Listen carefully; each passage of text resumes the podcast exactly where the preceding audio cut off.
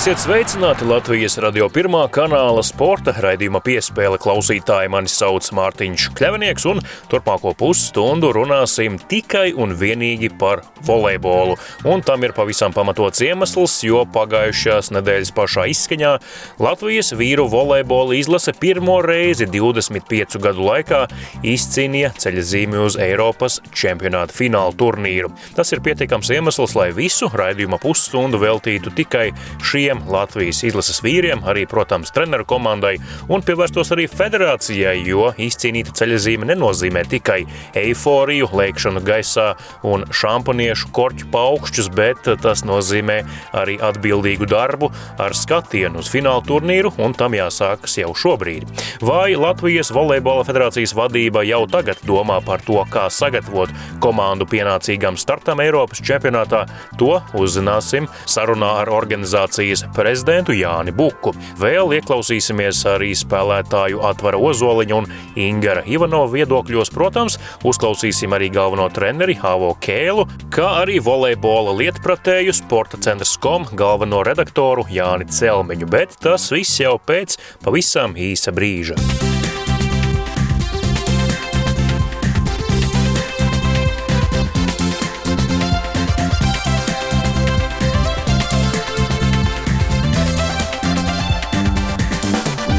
Jūs klausāties Latvijas radio pirmā kanāla sporta raidījumu piespēle studijā Mārtiņš Kļavinieks. Un kā jau minēju raidījumu ievadā, visu šo pusstundu runāsim par un ap zāles volejbolu un vīriem, kas izcīnīja ceļazīmu uz Eiropas čempionātu pēc 25 gadu pārtraukuma.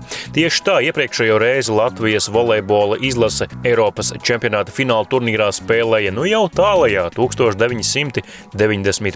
gadā, kad komandā vēl bija Raimons Vilde un Valts Mihelsons. 2020. gada Latvijas izlases modelis Kiprā kvalifikācijas turnīrā divos mačos pārspēja mājiniekus, un pēdējais no tiem arī bija izšķirošais 3-0 uzvara pār Kipru pagājušajā svētdienā deva ceļa zīmi uz Eiropas čempionāta fināla turnīru. Nevienā no diviem mačiem neizdevās pārspēt Spāņus, kurus uzvarēja gan Kipra, gan arī Moldova. Savukārt latviešiem pašiem izdevās uzvarēt gan Kipru, Kipriešus, gan Moldovas izlasi, un līdz ar to ceļazīme bija kabatā. Mājās no Kipras Latvijas komandu ar fanfārām un skaļiem Bravo saucieniem sagaidīja gan Latvijas volejbola federācijas vadība, gan arī līdzjutēji. Mans kolēģis Māris Bergs meža parkā aprunājās ar izlases veterānu Ingaru Ivanovu un arī šī brīža jauno līderi Atvaru Ozoliņu. Iepriekš esmu bijis izlasē tajos turnīros, kad mazliet ir pietrūcis līdz tai ceļa zīmei. Kas šoreiz ļāva izsisties cauri un tikt uz Eiropas čempionātu? Jā, pareizi jau kā tu minēji, kad uh, bija pirms tam ļoti daudz, nevis ļoti daudz, bet bija iespējas, kad uh, kaut kas mazliet tomēr pietrūka. Nezinu, veiksmes, augstasnības, meistarības Iespējams, ka viss kopā. Nu, šoreiz kaut kā viss baigi labi, manuprāt, ka salikās. Paši jau spēlētāji, daži bija jau vairāk nobriedušāki. Komandas salikums, tas Mikls kopā izveidojās, manuprāt, baigi labais, kad uh, mums ir pieredzējušie spēlētāji uz laukuma un arī jaunie talanti, teiksim tā. Ja. Tā ķīmijas mikroklimats šogad izveidojās tik labs, ka, ja šogad netiktu, nezinu, tad jau tad tur daži pusi no ceļiem visticamāk arī pateikt paldies arī valstsvienībai, jo gadi dara savu, teiksim tā, un uh, prieks, jā, prieks, kad uh, tiešām izturējām. Kāda tev bija tā sajūta tajā brīdī, kad redzēji, ka pēc bloka bumba krīt zemē un pieskarās grīdai? Vai nu tad emocijas vienkārši sprāga ārā. Tā bija, nu, tā bija laime pilnīgi, teiksim tā, jā, un, uh, Nu, beidzot, beidzot mans sapnis piepildījās. Nu, es esmu ļoti daudz gadus spēlējis, izlasē, trenējies, biju sev uzstādījis pa mērķi kādreiz tomēr tikt Eiropas čempionāta fināla turnīrā, lai būtu pielikts tāds kārtīgs, kārtīgs punktiņš uz. Uz īņa, un nu, beidzot izdevās. Un, jā, tā emocijas bija vienkārši neaprakstāmas. Man liekas, ka arī visai komandai vienkārši visi tur lietas pa gaisu, bļāva, priecājās. Tā kā nu, super, super. Mērķis ir izpildīts, visi priecīgi, skatāmies uz priekšu. Iepriekšējais uzspēlējis tajos izlases modeļos, kur Gunārs Celitāns bija Ansis Medenis. Pastāst, kā atšķirās šī paudze un šie džeki no tiem spēlētājiem, kuri arī, protams, bija ļoti augstas klases spēlētāji. Nu, to tā baigi grūti salīdzināt, kā atšķirās, kā neatšķirās. Arī viņi bija profesionāļi. Tad kaut kā, nezinu, kaut kā visas reizes mums, kad mēs spēlējam, kaut, nu, kaut kas mazliet pietrūka. Ja? Nu, vai, nu, vai nu tiešām tā sportiskā veiksme vai kādā atsevišķā spēlē, nezinu, nezinu varbūt fiziskā noturība vai, vai, vai tiešām meistarība. Nu, Kaut arī es uzskatu, ka mēs arī bijām pelnījuši jau tad, pirms tam jau. Cik sarežģīti ir pēc šādām spēlēm izlasē, kad tiešām tik daudz emociju un spēka radots, cik grūti ir pārslēgties uz klubu? Vai grūti, es domāju, ka nebūs, bet uh, ne, nu, pāris dienas ka vajadzēs brīvas, lai viss nosāstos, jo ir arī tāds fiziskais, emocionālais, nu, principā fiziskais, emocionālais nogurums ir, teiksim tā, jā, un galveno treneru palūkšu viņam pāris dienas brīvas, lai atjaunotos, atkoptos un tad ar atkal jaunām emocijām varētu startēt. Nākamā vasara noteikti gaida ar īpašu nepacietību. Pavisam noteikti, pavisam noteikti. Jā, jā, un es domāju, ka arī visi, visi čaļi noteikti, kad jau nevar sagaidīt jau nākamo ciklu, jau, lai varētu atkal šajā fantastiskajā kolektīvā atgriezties. Mēs smagi strādājām. Mums bija viens mērķis, visiem viens kopējs. Esam pusceļā, vēl viens solīts palicis. Prieks, ka neslūdzām un noticējām sev, ka varam vinnēt sarunas aicinājis vienu no Latvijas volejbola izlases spēlētājiem, Atvaru Ozoliņu. Atvaru sveiks ar atgriešanos mājās. Sveiki, sveiki. Kas bija tava pirmā doma brīdī, kad mačbumbas laikā redzēji, ka pēc bloka bumba piekrīt pie grīdas un ir uzvarēta spēle? Nu, pirmais bija novēlās tāds akmens, milzīgs atbrīvojums, ka viss ir beidzies un mēs esam to izdarījuši jau ilgi gaidītais Latvijas volejbolā beidzot tika sasniegts un uh, tikai labās emocijas, viss uh, pa mākoņiem. Kaut kā paspējāt jau nosvinēt šo uzvaru turpat Kiprā, vai visas svinības atliktas līdz brīdim, kad atgriežaties mājās? Uh, nē, nu, vakariņas tīri komanda, visi kopā un tā varbūt. Bet tā baigi neko nesvinējām. Tomēr agri bija jāizbrauc, garš ceļš, māja bija. Un, un, Šajā turnīrā kļuvi par vienu no izlases līderiem uzbrukumā un arī aizsardzībā. Vai brīdī, kad eh, Hermans Eglis Kalns traumas dēļ nogāja malā otrajā setā, pats sev sajūta tādu kā atbildības slogu, ka ir jāpaņem uz sevi uzbrukumā, jāizdara vairāk, blokā jāizdara vairāk? Sajūtu, protams. Uh... Bet uh, jāsaka paldies visiem, kas bija maiņā. Arī Kristofers Platačs iznāca ļoti labi, palīdzēja. Un, protams, zināja, ka būs izšķirošās bumbas, ka būs droši jāspēlē un ka visticamāk man viņas uh, uzticēs. Tā kā jā, bija gatavs un to ne, nedomāju tā īsti, nepievērst tam tik lielu uzmanību. Pagājušo sezonu pavadīju Itālijā, spēlējot A3 līgā. Iepriekš jau esam runājuši par to, kā tev tur gāja, bet saki, cik daudz tas ir devis tavā izaugsmē, tavā progresā kā spēlētājam?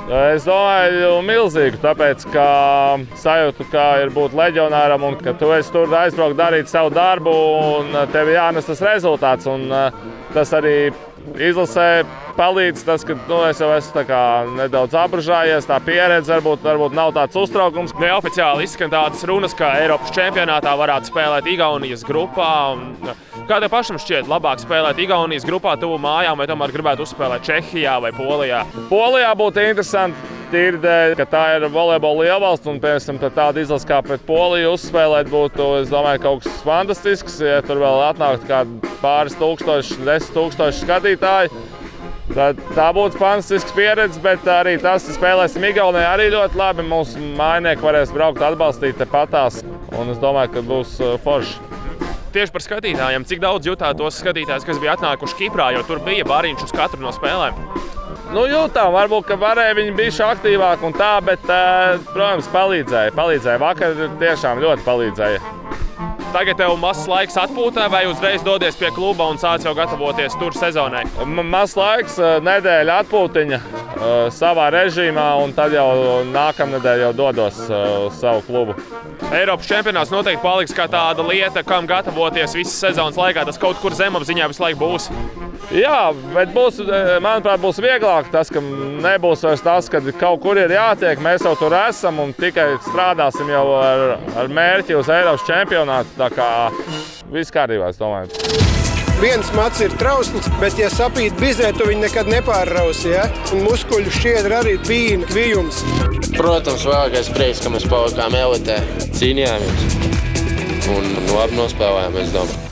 Turpina skanēt Latvijas radio pirmā kanāla sporta raidījums piespēle studijā. Joprojām es Mārtiņš Kļavnieks un turpinam runāt par Latvijas volejbola izlasi, kas pagājušajā nedēļā izcīnīja ceļazīmu uz Eiropas čempionāta fināla turnīru. Un raidījuma turpinājumā uzklausīsim Sporta centrs kom galveno redaktoru volejbola lietpratēju Jāni Celmiņu. Savukārt pēc viņa savas domas par to, kas Latvijas izlasē līdz fināla turnīram vēl jāuzlabo, izteiks komandas galvenais treneris Igaunis Avo Kēls.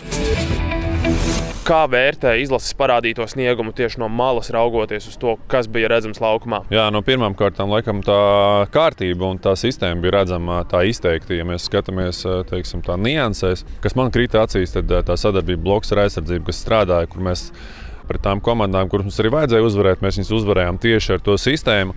Un, kā es saku, tad Krievijam būtu tās labs teiciens, ir es viņus teikšu latviešu, ka kārtība sit, šeit arī klase. Nu, šeit varbūt nebija tā klase, teiksim, pretī, bet bija labas komandas. Ja?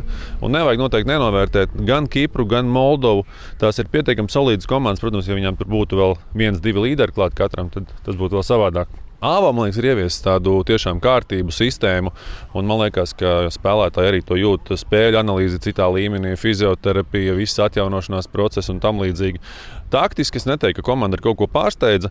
Joprojām paliek pie tā, ka varbūt trūkst, lai spēlētu vēl labāk tāds viens kārtīgs, kā es saku, neformālais līderis, kurš varbūt ir ne tik daudz līderis laukumā, bet līderis nezinu, pie brokastu galda, treniņā, autobusā vai, vai vienalga kaut kā. Nu, tiešām tāds neformāls līderis. Vai šajos jaunajos spēlētājos redzēja potenciālos izlases līderus nākotnē? Tīri ģērbtuvē, kas varētu būt, piemēram, tas pats Atvars Ozoliņš izskatās laukumā, ka viņš varētu būt tāds cilvēks, kas to varētu darīt. Nešaubīgi Atvars Ozoliņš ir pirmais, kurš var būt tāds līderis, kā es teicu. Viņš ir ar savu spēli laukumā jau šajā turnīrā to parādījies. Ja godīgi pēc pirmajām divām, trim spēlēm neticēja, ka viņš noturēs tādu līmeni, kā viņš noturēja visa turnīra garumā. Un, ja godīgi, nu, tāds, ja man jāvērtē spēlētāji pēc šī turnīra, tad es atveru, atveru laikam lieku visaugstāk. Jo nu, skaidrs, ka mēs no Petra gaidījām, no Egliskalna gaidījām, bet no atveru tomēr vēl gados pietiekami jauns. Viņam tā pieredze arī nav tik liela gan izlasē, gan arī klubos. Viņš nekur ārzemēs daudz nav spēlējis. Pagājušais, ja nemaldos, bija otrais gads ārzemēs. Kā, nu, Atvers ir viennozīmīgi tāds līderis. Nu, es nezinu, ar laiku Es nezinu, cik ir teiksim, tādas psiholoģiskās un teiksim, raksturības šīs Edīnam Skrūderam. Baigi patīk, kā viņš spēlē. Tāpat arī tas pats Platačs, kad iznāca nu, ne tajā vienkāršākajā situācijā un, un, un nospēlēja tās, tā, tās epizodes. Viņam ir jāizstāj būtībā līderis, galvenais punktu guvējs. Viņš iznāk un tiek galā. Tā kā tas potenciāls ir, bet uh, Jā, es, tas, tas, ko es iepriekš teicu, ka tas līderis tāds varbūt vairāk ne tik daudz laukumā, cik neformālais līderis, tad es saku, ka tam būtu jābūt Atvaram Ozoliņam. Pēc gadiem Nu, 3, 4, 5. Tavuprāt, nevajadzēja pamainīt, varbūt saspēles vadītāju kādā brīdī Denis Petro pret Edvīnu Skrūderu, kaut vai tikai tāpēc, lai Petrovam iedot mazliet atpūtu. Zinām, tagad, kad tā ceļzīme ir izcīnīta, protams, ka to viegli teikt, ja, kā saka, pēc kara visi gudri, bet, bet nu, noteikti, ka vajadzēja iespēlēt vispār vēl otros, otros sastāvos. Arī turnīra laikā diezgan daudz kontaktēju ar spēlētājiem. Visi teica, ka tas nogurums krājās, nu, tie līderi, tie 6, 7, kas iznesa to smagumu. Protams, ka prasījās varbūt vairāk iespēlēt, bet nu, tas droši vien jāprasa vairāk treneriem. Skaidrs, ka nu, tas turnīrs ir saspringts, katrai spēlē tā likme ir liela. Tur viens zaudējums visu varēja sagriezt kājām gaisā, un tas, ko Spāņi uztaisīja grupā, teiksim, tur visu to saukto muģekli, ja beigās, ka tur mūsēji pret, pret Kipru beig, beigās izcīņas ceļzīme. Nu, es negaidīju, ka kaut kas tāds būs. Es biju simtprocentīgi pārliecināts, ka pirmā vieta izšķirsies Latvijas-Spānijas spēlēs, un tur vispār bez jautājumiem. Bet, nu, noteikti, noteikti, bet nu, tas jau būs jādara. Tas būs jādara, jo, jo nu, Petrovs, Egliskalns, tas pats Saušs. Ja, saka, viņi jau arī nav teiksim, tādi čaļi, kuriem jābeidz, bet nu, tā pieredze ir sakrājusies, un tiem jauniem jau agrāk vai vēlāk būs jānāk uz skatuves. Bet, protams, varēja noteikti vairāk, bet to es šobrīd saku pēc turnīra. Teiksim, turnīra laikā es īstenībā pat neredzēju tādu brīdi, kad tiešām tur kādu varēja nomainīt, nosēdināt malā. Nu, ok, tur varbūt spēlēs pret Moldavu. Nu, arī grūti, grūti. Es domāju, ka tur treneriem tāds baigs grūtais lēmums. Kur ir jāpieliek, lai arī Eiropas čempionātā varētu nodemonstrēt augstvērtīgu spēli, cīnīties par kaut kādiem panākumiem tur?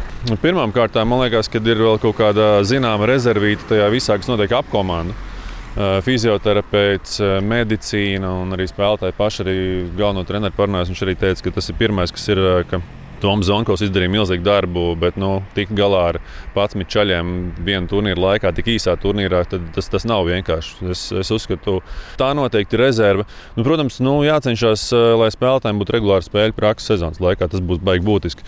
Jo, ja mūsēji sezonas laikā netiks pie spēlēšanas, tad, tad arī fināla turnīrā tur nekas daudz nesnāks. Un vēl viena lieta, nu, noteikti jādomā par tām spēlēm, vai tā būs zelta līga vai tā būs sudraba līga, bet, bet noteikti jāspēlē. Ir. Vismaz pāris no izlases spēlētājiem būs pie AVO pērnavā, tā kā vismaz pāris pie spēļu prakses un regulāras augsta līmeņa spēļu prakses tiks. Tā ir, un tas, tas īstenībā ir prieks, ka pie AVO atgriežas spēlētāji, jo viņš arī sev ir apliecinājis, ka viņš, nu, viņš būs ieinteresēts būtībā strādāt arī ar tiem spēlētājiem, varbūt individuāli šur un tur papildus, un, un tā ir tā viennozīmīga laba ziņa. Jā. Viņš bija tāds motivators, ka es arī gribu būt tur, kur ir viņš un darīt to, ko viņš dara. Visiem spēlētājiem mēs ticam, gaidām, un, un vēl nekas nav beidzies. Vismaz viena spēle mums noteikti. Jā. Но наш турнир оказалось таким, что в связи с этим, ну, так называемым сюрпризом, что сделали там особенно Кипр. Galvenais treneris Kēls pēc atgriešanās Latvijā uzsvēra, ka turnīrs Kiprā izvērtās intrigas pilns līdz pat pēdējai spēlei, jo tā gaitā pārsteigumus sagādāja gan mājinieci, gan Moldova. Pagājušajā turnīrā Latvijas izlase esot zaudējusi vienā svarīgā mačā, bet Kiprā šādu nevajadzīgu zaudējumu nesot bijis. 90% smagā vezuma uz saviem pleciem kvalifikācijas turnīrā iznesa seši pamatsastāva spēlētāji un libero.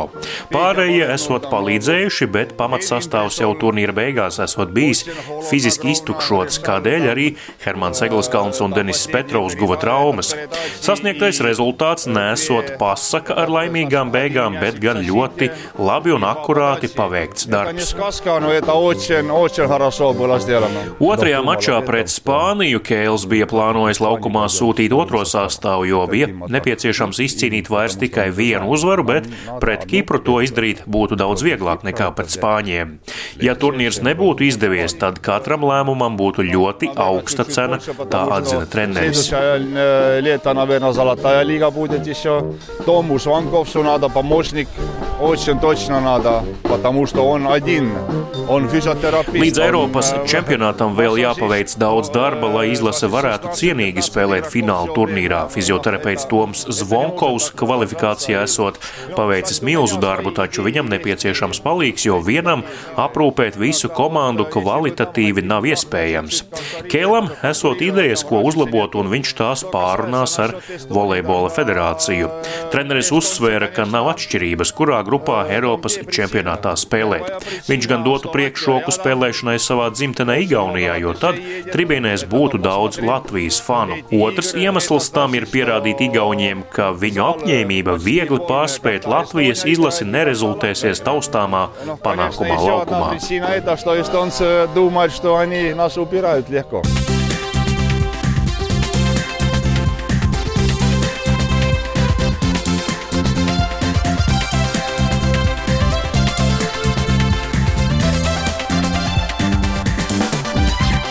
Jūs joprojām klausāties Latvijas radio pirmā kanāla sporta raidījumu piespēle studijā Mārtiņš Kļavinieks, un turpmākajās raidījuma minūtēs dosimies ciemos pie Latvijas volejbola federācijas vadītāja, prezidenta Jāņa Buka, un uzklausīsim viņa domas par to, ko Latvijas volejbolam kopumā nozīmē šī izcīnītā ceļazīme uz Eiropas čempionātu, kā arī niansēti runāsim par to, kas tad jāizdara līdz fināla turnīram, lai tajā sekmīgi varētu nostartēt. Tas ir ļoti pašsaprotami, kad Latvija sauc, tad tur nav variantu. Tu vienmēr saki, ka jā. Es cenšos ar katru spēli palikt labāks, katru spēli augt. Tad, kad jau ir uh, sezonas beigas un, un starpsezona, tad tu vari palikt vēl labāks spēlētājs. Šis raidījums jau ir parunā par Latvijas vīru volejbola izlasi, kas um, pirmo reizi pēdējo 25 gadu laikā ir kvalificējusies Eiropas čempionāta fināla turnīram. Sveicam vēlreiz, un droši vien, ka arī no Latvijas volejbola federācijas prezidenta Jāņa Buka mēs arī dzirdēsim droši vien vēl apsveikumus arī Latvijas radio etrā, vai ne? Sveiki, Jāni! Labdien! Jā, tas ir patiesas prieks, ja šodien jau tās emocijas nedaudz ir nosēdušās. Svētdienas vakarā, kad tika uzvarēta Kipra, tas pēdējais sets jau bija 6 gadu noformējušies ir divi pamats sastāvā spēlētāji. Nervi bija uzvilkti tiešām kā stīgas, bet fantastiski. Tiešām. Es arī puišiem teicu, ka man bija uh, patiesa lepnums. Es sen nebiju bijis tik lepns par valsti, par um, volejbolu, par pušiem kā tādu, jo sākot jau um, kā viņu uzvedības modelis, jau, jau um, viņi tiešām ir paraugs citiem ar savu piemēru. Ir elki un paraugs daudziem, daudziem jauniem, jauniem volejbolistiem, bērniem, jauniešiem. Un man šobrīd jau ir cik dienas pagājušas, man jau jau četri zvani bijuši no cilvēkiem, eh, kas saka, kur mans bērns var trenēties klasiskajā volejbolā. Jā, nu, arī iepriekš eh, sporta raidījumā piespēlē esam stāstījuši, kā puiši gatavojās šim turnīram. Kolēģi Inita Kreskavska devās pie viņiem ciemos uz Meža parku. Tas vēl bija vasaras sākumā, kad viņi tikai sāka trenēties un gatavoties šim turnīram. Liels darbs ieguldīts, eh, augļi tagad jau arī novākti daļēji, kā tas rudenī notiek ceļzīmē kabatā. Protams, šajā sarunā ar jums um, vaicāšu, vai vairāk par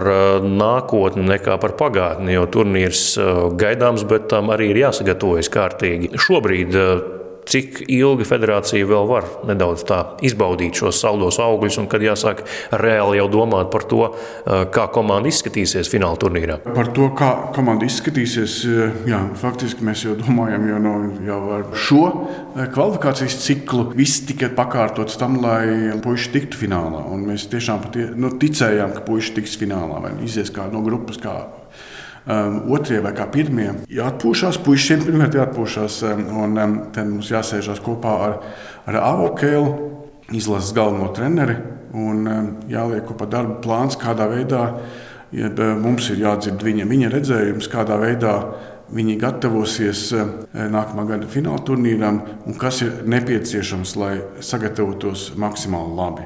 Mm. Un tad, protams, mēs no, no federācijas puses savukārt domāsim, kā mēs varam um, šīs um, vajadzības izpildīt. Par avokēlu, tad arī, ja mēs pārējām tādā niansētā sarunā, vaicāšu, mm, līgums ar avokēlu, kāds tas ir, vai tas šobrīd ir spēkā, vai jūs piekopjat līdzīgu praksi kā iepriekšējā federācija, ka jūs slēdzāt vai parakstījāt precīzāk līgumu tikai uz konkrēto kvalifikācijas ciklu vai turnīru, vai tomēr AVO kabatā ir kāds ilgtermiņa līgums? Esam parakstījuši līgumu uz konkrētu ciklu. Nu, tā kā mēs esam tikuši tālāk, tad, protams, šis līgums tiks pagarināts viennozīmīgi. Ja.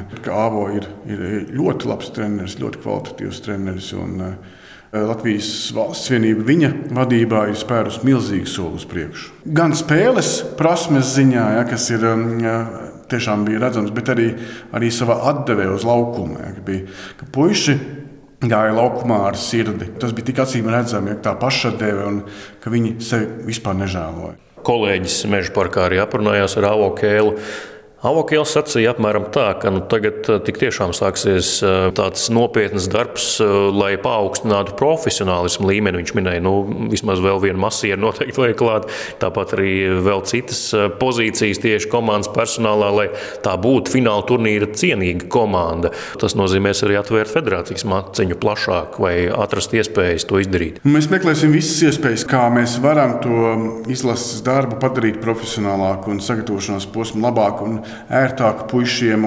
Mēs esam centušies to darīt pēc labākās sirdsapziņas. Varbūt mums um, arī šī eh, gatavoties šai kvalifikācijai nedaudz pietrūka brīžiem. Mēs gribējām arī varbūt, jā, labākus treniņu apstākļus, bet, nu, nu, diemžēl, Covid ietekmēja arī, arī šīs mūsu labos nodomus. Ja, ja Avo saka, ka ir vajadzīgi divi masieri, jānodrošina. Un tas arī ir diezgan objektīvi. Jā, nu, šī situācija, starp citu, kad Latvijas volejbola izlase ir iekļuvusi Eiropas čempionāta fināla turnīrā man nedaudz atgādina to, kas notika Latvijas Handbola federāciju aptuveni pirms gada, kad arī handbola izlase beidzot sasniedza Eiropas fināla turnīru. Eh, pirms fināla turnīra bija arī prezidenta Mārtiņa Bičevska retorika, ka mēs darīsim visu to labāko un centīsimies Beigu beigās pēc fināla turnīra tāda rūkta piegarša komandai, laikam jau arī federācijai. Federācija pamet ģenerālsekretārs, federācija pamet tiesnešu komitejas vadītājs, izlašu direktors.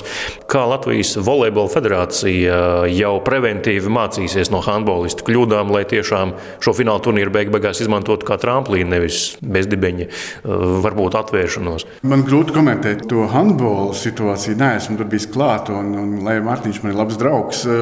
Nu, volejbola federācija federācijas tā, strateģiskais redzējums patiesībā ir izmantot šos izlases panākumus, lai mēs piesaistītu aizvien vairāk jaunus spēlētājus, bērnus, jauniešus, kam būtu, kam būtu interese par volejbolu, kas nāk iekšā un kas sākt ar to nodarboties ikdienā. Veidojot šo pamatu, mēs varam veidot to volejbola māju ilgtermiņā. Un tas ir galvenais. Varbūt tie nav momentā redzami augļi, bet Ilgtermiņā tas būs ļoti, ļoti skaisti. Ko federācija var darīt, eh, nu, lai palīdzētu spēlētājiem eh, tieši fināla turnīra laikā eh, vai pirms tā? Jo šeit arī viena paralēla ar handbolu izlasi. Tur arī daudzi ir, sauksim to tā, ne pilnvērtīgi profesionāļi, kuri strādā savā brīvajā laikā. Volejbola izlasē līdzīgi.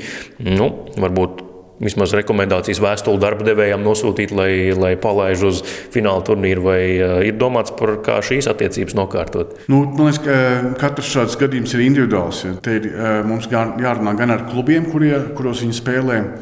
Liekas, ka gan kā volejbolā ir tas profesionālitātes līmenis nedaudz, nedaudz augstāks. Ja viņi, jā, protams, daļa ir, kas strādā ikdienā citu darbu. Ja.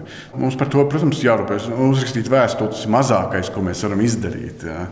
Mums ir jāmēģina, ja ir šāda, šāda situācija arī puišiem, kad ir, ja viņiem ir tie trīs mēneši jāpavada, jā, jālai tie litri sviedru. Ja. Um, un jā, jāgatavojas tam fināla turnīram, jā, jānospēlē zelta līga, kas būs arī fantastisks, tiešām augsta līmeņa pasākums. Ja kur spēlēs Latvijas eh, vīriešu volejbola izlase. Mums ir kaut kādā veidā jārod, lai, lai puišiem būtu interese un lai, viņus, jā, lai viņi varētu pēc tam arī turpināt savu profesionālo eh, darbu. Jūs, kā federācijas vadītājs, kurš eh, arī pirms nonāca šajā amatā, sekojāt līdzi volejbolam un ļoti labi zinājāt, kas šajā vidē notiek, kāpēc varbūt pēc jūsu subjektīvajām domām Gundaram Celitānam, Mansim Medenim, visam, visai pārējai tā sauktajai zelta paudzei neizdevās tas, kas izdevās šiem puišiem? Man ir grūti teikt un, un paust kaut kā komentēt to, kāpēc puišiem neizdevās uh, iepriekš, ja kaut viņi arī bija ļoti, ļoti tuvu tam. Par šiem puišiem es uh, viennozīmīgi varu teikt, ko es jau minēju, ka viņi, ko es arī teicu viņiem pašiem, ja, ka puiši, kad jūs ejat laukumā, jūs ejiet laukumā ar sirdi. Un, ja jūs ieliksiet sirdi, jums viss izdosies. Un, um, jā, šeit bija tāds pirmkārt pieredzes un tāds jaunības sakausējums, kur bija pieredzējušie puiši un, un jaunie puiši. Bet patiesībā tas, ka visi gribēja, visi gribēja uzvarēt, un visi gribēja sev pierādīt, un visi gribēja nokļūt um, Eiropas čempionāta finālā. Tāpēc, cīm redzot, ļoti, ļoti gribēja. Tāpēc arī izdevās. Mm. Bet grib jau visi. Nav jau neviens tāds, kurš negrib. Nu, zini, kā ir, ir grib vairāk vai mazāk. Jā. Vai tu esi gatavs vairāk izlikties vai mazāk izlikties? Vai tu esi gatavs lekt pēc tās bumbas vai, vai vienkārši paspērt soli bumbas virzienā? Par šiem puišiem ir milzīgs prieks. Milzīgs prieks un lepnums jau, jau, saku, no, jau no brīža, kad viņi gāja laukumā, kad viņi, viņi dzied himnu, un viņi dzied visi kopā himnu, ja, kā viņi sevi nežēloja, nedēļa ne centimetru no zemes. Slavenais jautājums, Alaža kutelīgais Latvijas sportā pēc kaut kāda veida panākumiem. Vai prēmijas būs izlasē? Nē, jo jā, tāds, tas ir tas arī, par ko es šos puikas ļoti, ļoti cienu. Ja, viņi nāk un neklauvēja pie jūsu durvīm. Nē, viņi, viņi ziedoja sevi. Viņi tiešām trīs smagus mēnešus lēja sviedrus, lai, lai sagatavotos kvalifikācijas turnīram un uzvarēja kvalifikācijas turnīru. Svarīgi ir apzināties, ja, ka viņu maizes darbs ir viņu klubos. Šeit viņi spēlē par valsti. Un tas ir, tas ir pats uh, cēlākais, ko tu vari izdarīt. Parasti to dara bez maksas. Cent, tiešām centīsimies no sirds padarīt visu izlases pušu sagatavošanās uh, procesu ļoti, ļoti profesionāli. Es tiešām ceru, ka būs arī ļoti labi rezultāti. Bet, uh, No federācijas maka mums tiešām nav, nu, nav ko izvilkt ārā. Otrakārt, jā, tas, kur mums vajag, vajag vilkt un kur mēs tiešām jāgulda, ir bērni un jaunieši. Lai šiem zelta puišiem, ja mēs viņus gribētu saukt par zelta puišiem, ja, būtu sekotāji un mēs spētu iet tālāk. Puisi darīs savu darbu no, no sirds. Tā mēs arī federācijā centīsimies no sirds izdarīt visu labāko. Tad, lai izdodas un gaidīsim nu, jau jaunus augstumus, vēl šajā gadsimtā nebijušas no Latvijas volejbola izlases. Paldies par sarunu! Paldies!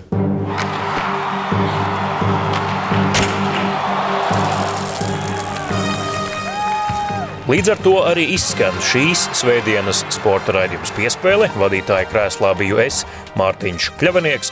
Meža parkā pie volejbolistiem paviesojās mans kolēģis Māris Bergs, bet par ierakstīto sarunu labskaņu parūpējās Nora Mītspapa. Uz sadzirdēšanos jau pēc nedēļas.